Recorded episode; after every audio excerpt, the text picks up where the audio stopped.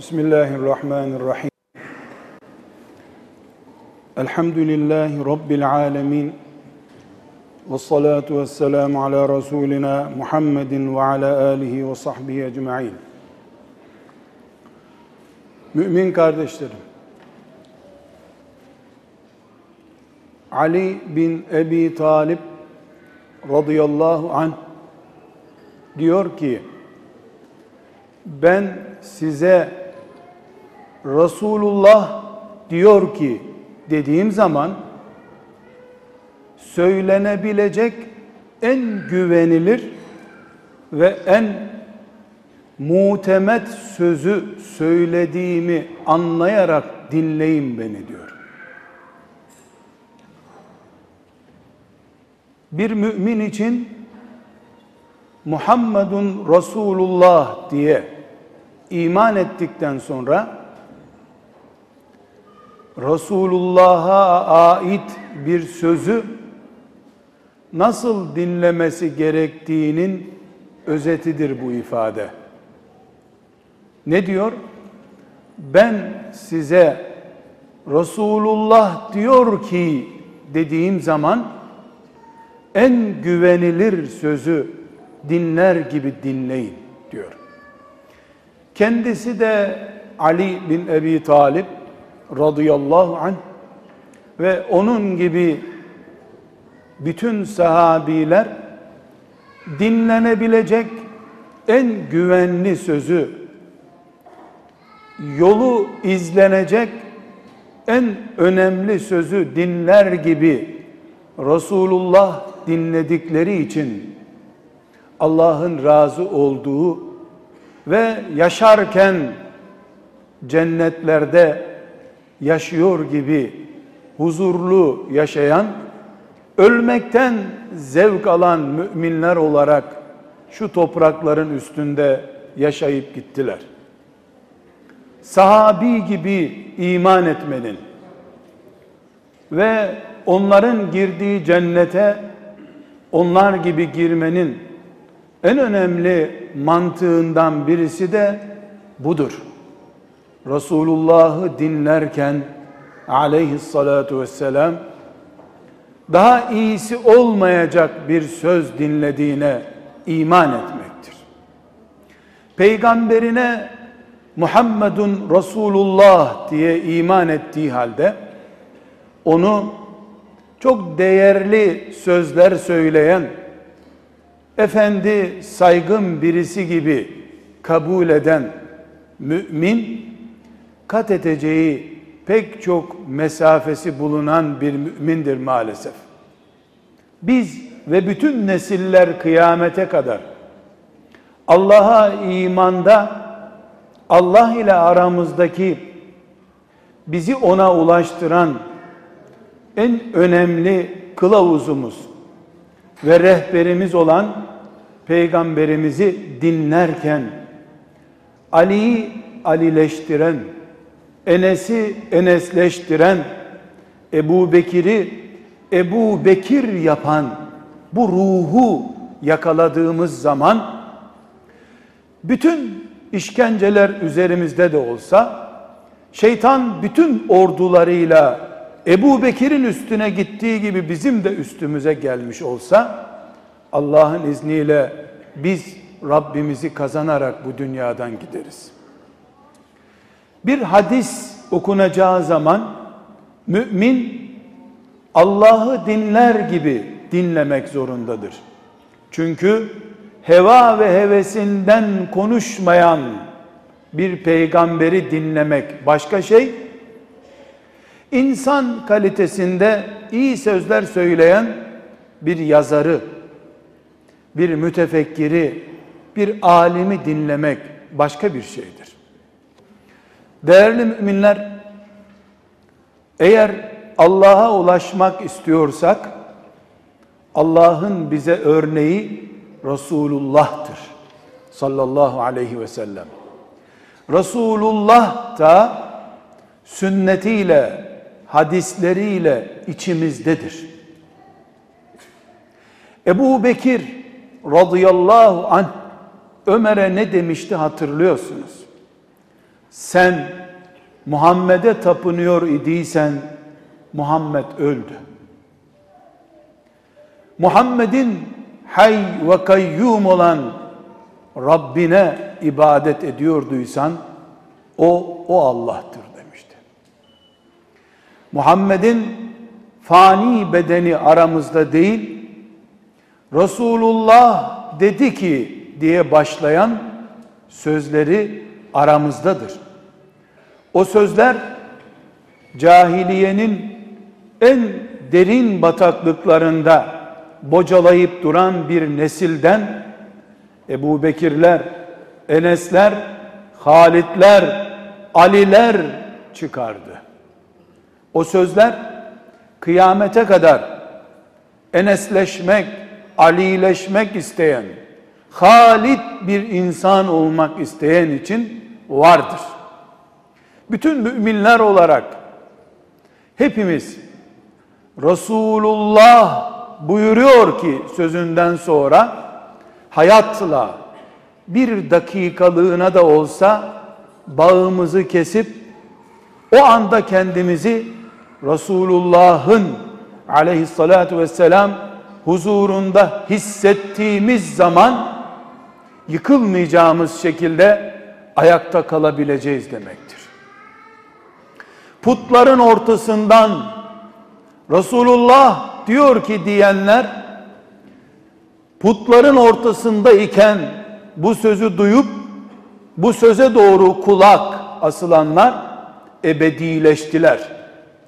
Radıyallahu anhum oldular. Allah onlardan razı oldu.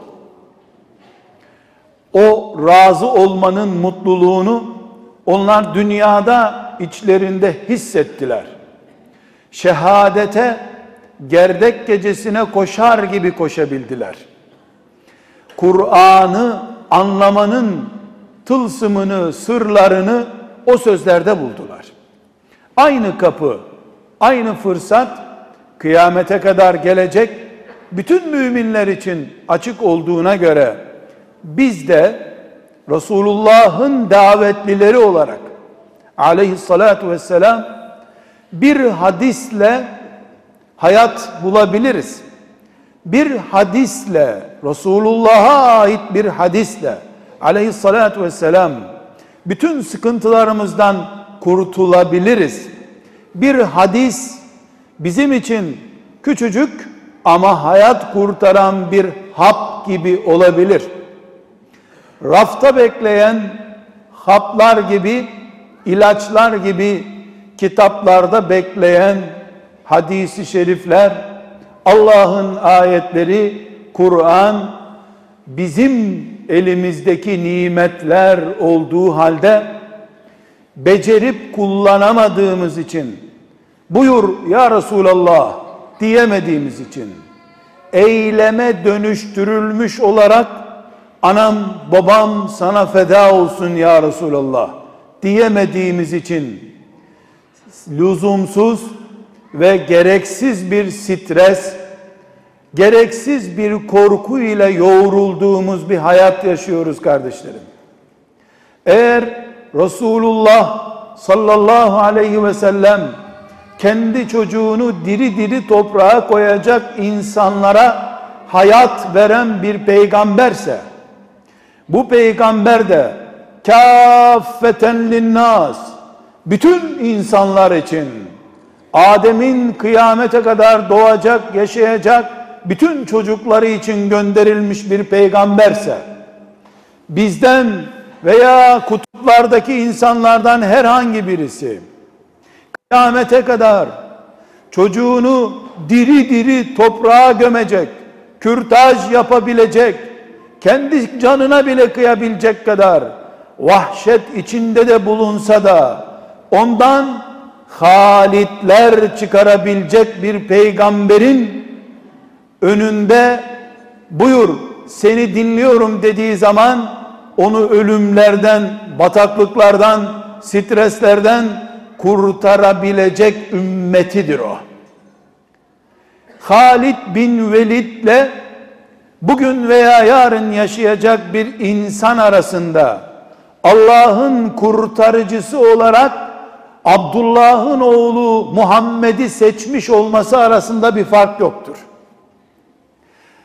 Abdullah'ın oğlu Muhammed Aleyhisselam'ın listesinde kurtarılması için bekleyen listesinde Hattab'ın oğlu Ömer nasıl kurtarılacaklar arasında sert, gaddar, hışin bir adam olarak vardı. Kıyamete kadar bir kutuptan öbür kutuba kadar doğunun batının arasında bütün insanlık Adem'in bütün çocukları Ömer bin Hattab olmak için Muhammed Aleyhisselam'ın listesinde acilen kurtarılacaklar arasında muhakkak vardır. Çünkü Allah peygamberini göndermeden, peygamberinin sesini ulaştırmadan hiçbir insana, hiçbir topluluğa azap etmeyeceğini Kur'an'da söylüyor. Bütün insanlığın peygamberiysen milyarlarca insan senin hekimliğine müracaat etme hakkıyla ve sen onları kurtarma göreviyle gönderildin demektir. Resulullah'ın penceresinden aleyhissalatu vesselam bakıldığı zaman bizim ve bütün insanların penceresinden bakıldığı zaman da benim aile hekimim, ruh doktorum, kurtarıcım, hayat rehberim, başımı ayaklarının dizine koyup da mutluluğa, toprakta neşe bulmaya adayım benim önümdeki liderim de Abdullah'ın oğlu Muhammed aleyhissalatu vesselam demektir. Bu anlamda bakıldığında herkes Hattab'ın oğlu Ömer gibidir. Herkes Enes İbni Malik adayıdır. Ama kıymet bilip giden Enes İbni Malikliğini realiteye çevirmiştir. Ömer bin Hattab gerçekleştirdiği bir Ömer bin Hattab süreci yaşamıştır. Kimi kulları da Allah'ın ellerindeki nimetin kadru kıymetini bilememişlerdir. Tıpkı kutusundaki ilacı açıp kullanamadığı için hastalığıyla ölüp giden bahtsız insanlar gibi. Kardeşler bir kere Resulullah buyurdu ki diye duymak aleyhissalatü vesselam işte budur. Bir kere hadis okumak işte budur. Evet Resulullah elinde Kur'an ve hadislerle gelmiştir. Kimi Kur'an'la, kimi de onun hadisleriyle aydınlatılmış bir yığın işaretler, nurlar getirmiştir. Kim bundan birinin kıymetini bilmezse yarın Rabbinin huzurunda beyan edebileceği hiçbir özrü olmayacaktır. Bu hakikati anladıktan sonra değerli mümin kardeşlerim bir hadisi şerifi dinlerken sakın ha o hadisi filan konuyu açıklıyor zannetmeyesiniz.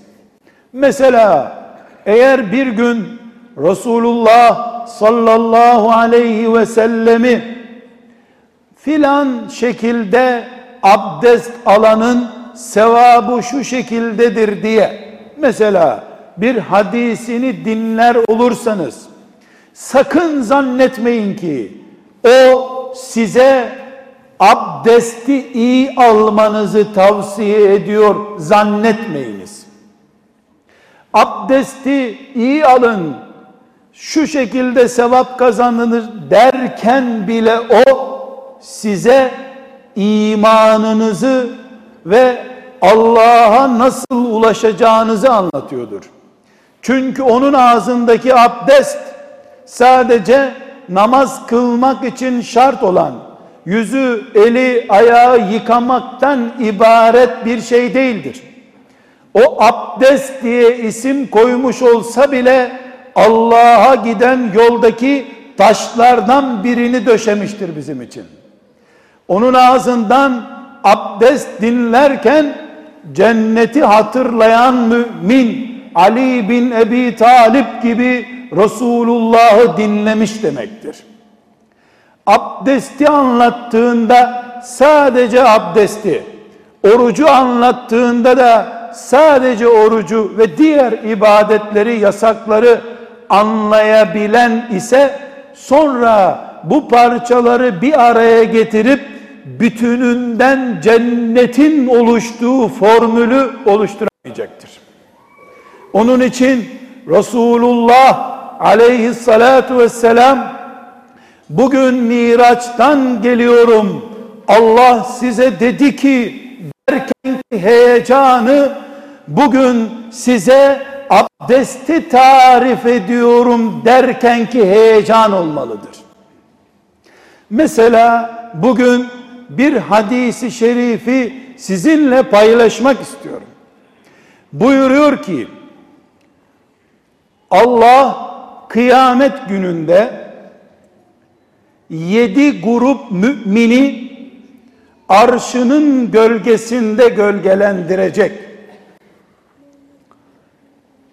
Yedi grup mümin demek yedi işi becermiş yapmış mümin demek. Bu hadisi şerifi pek çoğumuz biliyoruz. Camilerde dinliyoruz. Veya bir kitaptan muhakkak okuyoruz. Çünkü çok meşhur bir hadis. Ama biz bundan mesela birincisi halkına adaletle uygulama yapan yönetici diyor. İkincisi de kalbi camilere kilitlenmiş mümin diyor. Üçüncüsü birbirlerini sadece Allah için seven iki mümin diyor. Biz bu hadisi dinlerken eğer Peygamber aleyhisselam efendimizin çalışın bu işlerden bir tanesini yapın siz de çok sıcak bir günde arşın gölgesinde dinlenirsiniz gibi çok yüzeysel anlıyorsak bu hadisi biliriz. Bunu talebelerimize öğretiriz. Çocuklarımıza nasihat ederiz. Ama uygulamaya gelince pratiğe dökemeyiz. Bu hadiste ilaç kutusunda bekleyen ilaç gibi kitapların içinde Bukhari'de, Müslim'de bekler. Peki ne yapmamız lazım? Biz arşın gölgesindeki yedi insanı tarif ederken peygamber aleyhissalatu vesselam dünyada iken bu sözü bize dinlettiğine göre arş şu anda bizim görmemiz, ulaşmamız mümkün olmayan bir yer olduğuna göre bize diyor ki siz dünya üzerindesiniz ama koşmanız gereken en büyük hedefiniz Allah'ın arşının gölgesi olmalıdır. Dolayısıyla peygamberim aleyhissalatu vesselam ümmetini yedi branş üzerinden yarışa davet etmektedir yedi branşta derece alacak mümin kullarını Allah arşının gölgesine davet etmektedir. Kimimizin siyasette başarılı olacağını, kimimizin namaz ve cami ibadetinde başarılı olacağını, kimimizin Allah için kaynaşma, sivil toplum faaliyeti yapmada başarılı olacağını, kimimizin zinanın ayağına kadar gelmesine karşı aktif bir imanla Allah korkusuyla zinayı tepeceğini kimimizin Allah için infak ederken kendi elinden ailesinden bile bu infak bilgisini gizleyeceğini kimimizin de başka bir faaliyet alanında Allah'ın razı olacağı bir işi yapabileceğimizi ve her birimizin bir Ömer, bir Ebu Bekir kalitesinde kıyamete kadar yarışmaya davet edildiğimizi anladığımız zaman bu ruhu içimize sindirdiğimiz zaman bir hadis oturduğumuz yerden bizi aktif hale getirecek arşın gölgesinde Allah'ın özel misafiri olarak kıyamet günü dirilecek mümin haline getirecektir. Ömer olmak budur. Ömer siyasette bu işi becermiştir. Öbürü camiye kilitlenerek bunu becermiştir. Öbürü de önüne gelen haram teklifine karşı ayağıyla haramı teperek bu kaliteyi yakalamıştır. Sahabi olmak da budur. Muhammed aleyhisselamın ümmetinin kıyamete kadar devam edecek kaliteli, heyecanlı, enerjik bir Kur'an'a iman etmeleri de bu demektir. Cuma günü hutbede bunun için hadis dinleriz. Böyle bir hadis okunacak da mümine bir hafta o hadis enerji olarak yetecek diye cuma hutbesi okunurken dinlemek farz kılınmıştır. Bu hadisi okuyor diye hatip çıt çıkardığı zaman bir mümin ona karşı esasen hatibe karşı bir protesto yapmadığı halde konuşan birine sus dediği halde cuma sevabından mahrum olmaktadır. Çünkü hutbede söylenen bir hadis peygamberimizin sevgili peygamberimizin ümmetine cici nasihatlerinden biri değildir. Her biri arşın gölgesine kadar her mümini taşıyacak kapasitede yüklü bilgi ve heyecan kaynağıdır. Bunun için kardeşler her hadis bu ümmette Resulullah'a ait her söz aleyhissalatu vesselam bu ümmetin çocuk katili olacak kadar aşağılara düşmüş en batık adamından bile Halid bin Velid çıkaracak bir enerji kaynağıdır. Her hadis böyledir. Her ayet zaten böyledir. Mümin Allah'ı dinlerken de böyle dinler, peygamberini dinlerken de böyle dinler. Keşke biz peygamberi aleyhisselamın doğumuyla, miracıyla ve benzeri hicretiyle ilgilenecek yerde bir hadisiyle ilgilenseydik Ömer olup kurtaran, kurtulan bir mümin olabilseydik. Keşke hicretin ağıtını ve destanını yakacak yerde bir odada haram var diye öbür odaya hicret edecek şuur ve kapasitede olsaydık. Aziz kardeşler çok söze gerek yok ama şunu anlamaya gerek var. Bu ümmet peygamberinin ümmetidir. Aleyhissalatu vesselam. Biz kitle değiliz.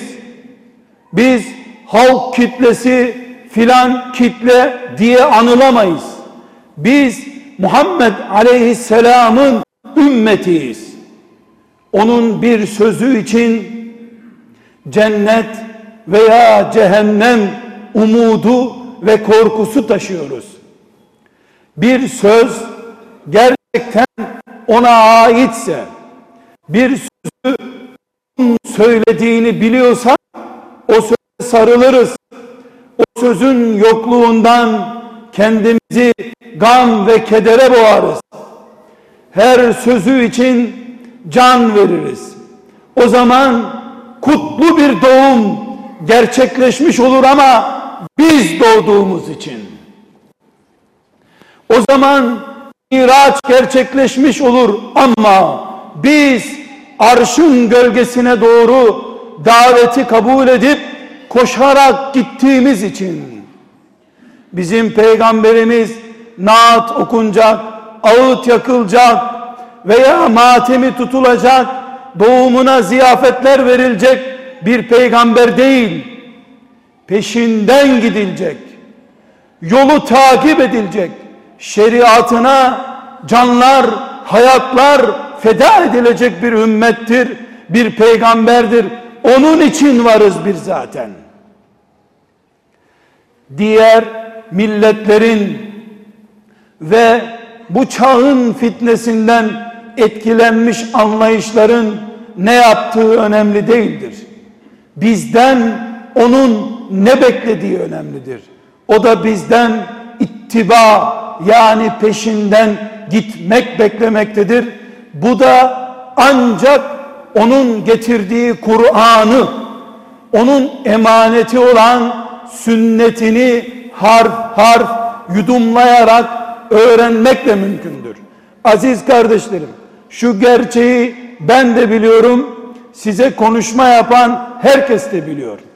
Binlerce hadis üzerinden işçisi, memuru, kadını, erkeği, bütün insanlar oturup hadis alimi olarak herhalde Ebu Hureyre olacak halimiz yoktur.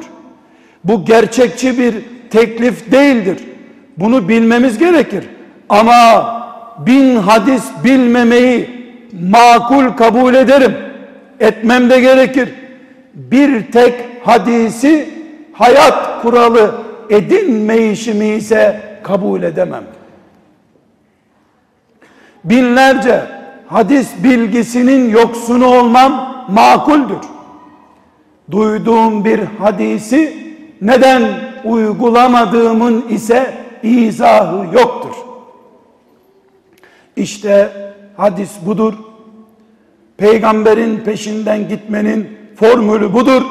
Bunun gayesindeyiz. Bu gaye hepimize mübarek olsun. Hepimize kolay olsun. Arşın gölgesine kadar hepimizin yolunu Allah açık etsin. Velhamdülillahi Rabbil Alemin. El Fatiha.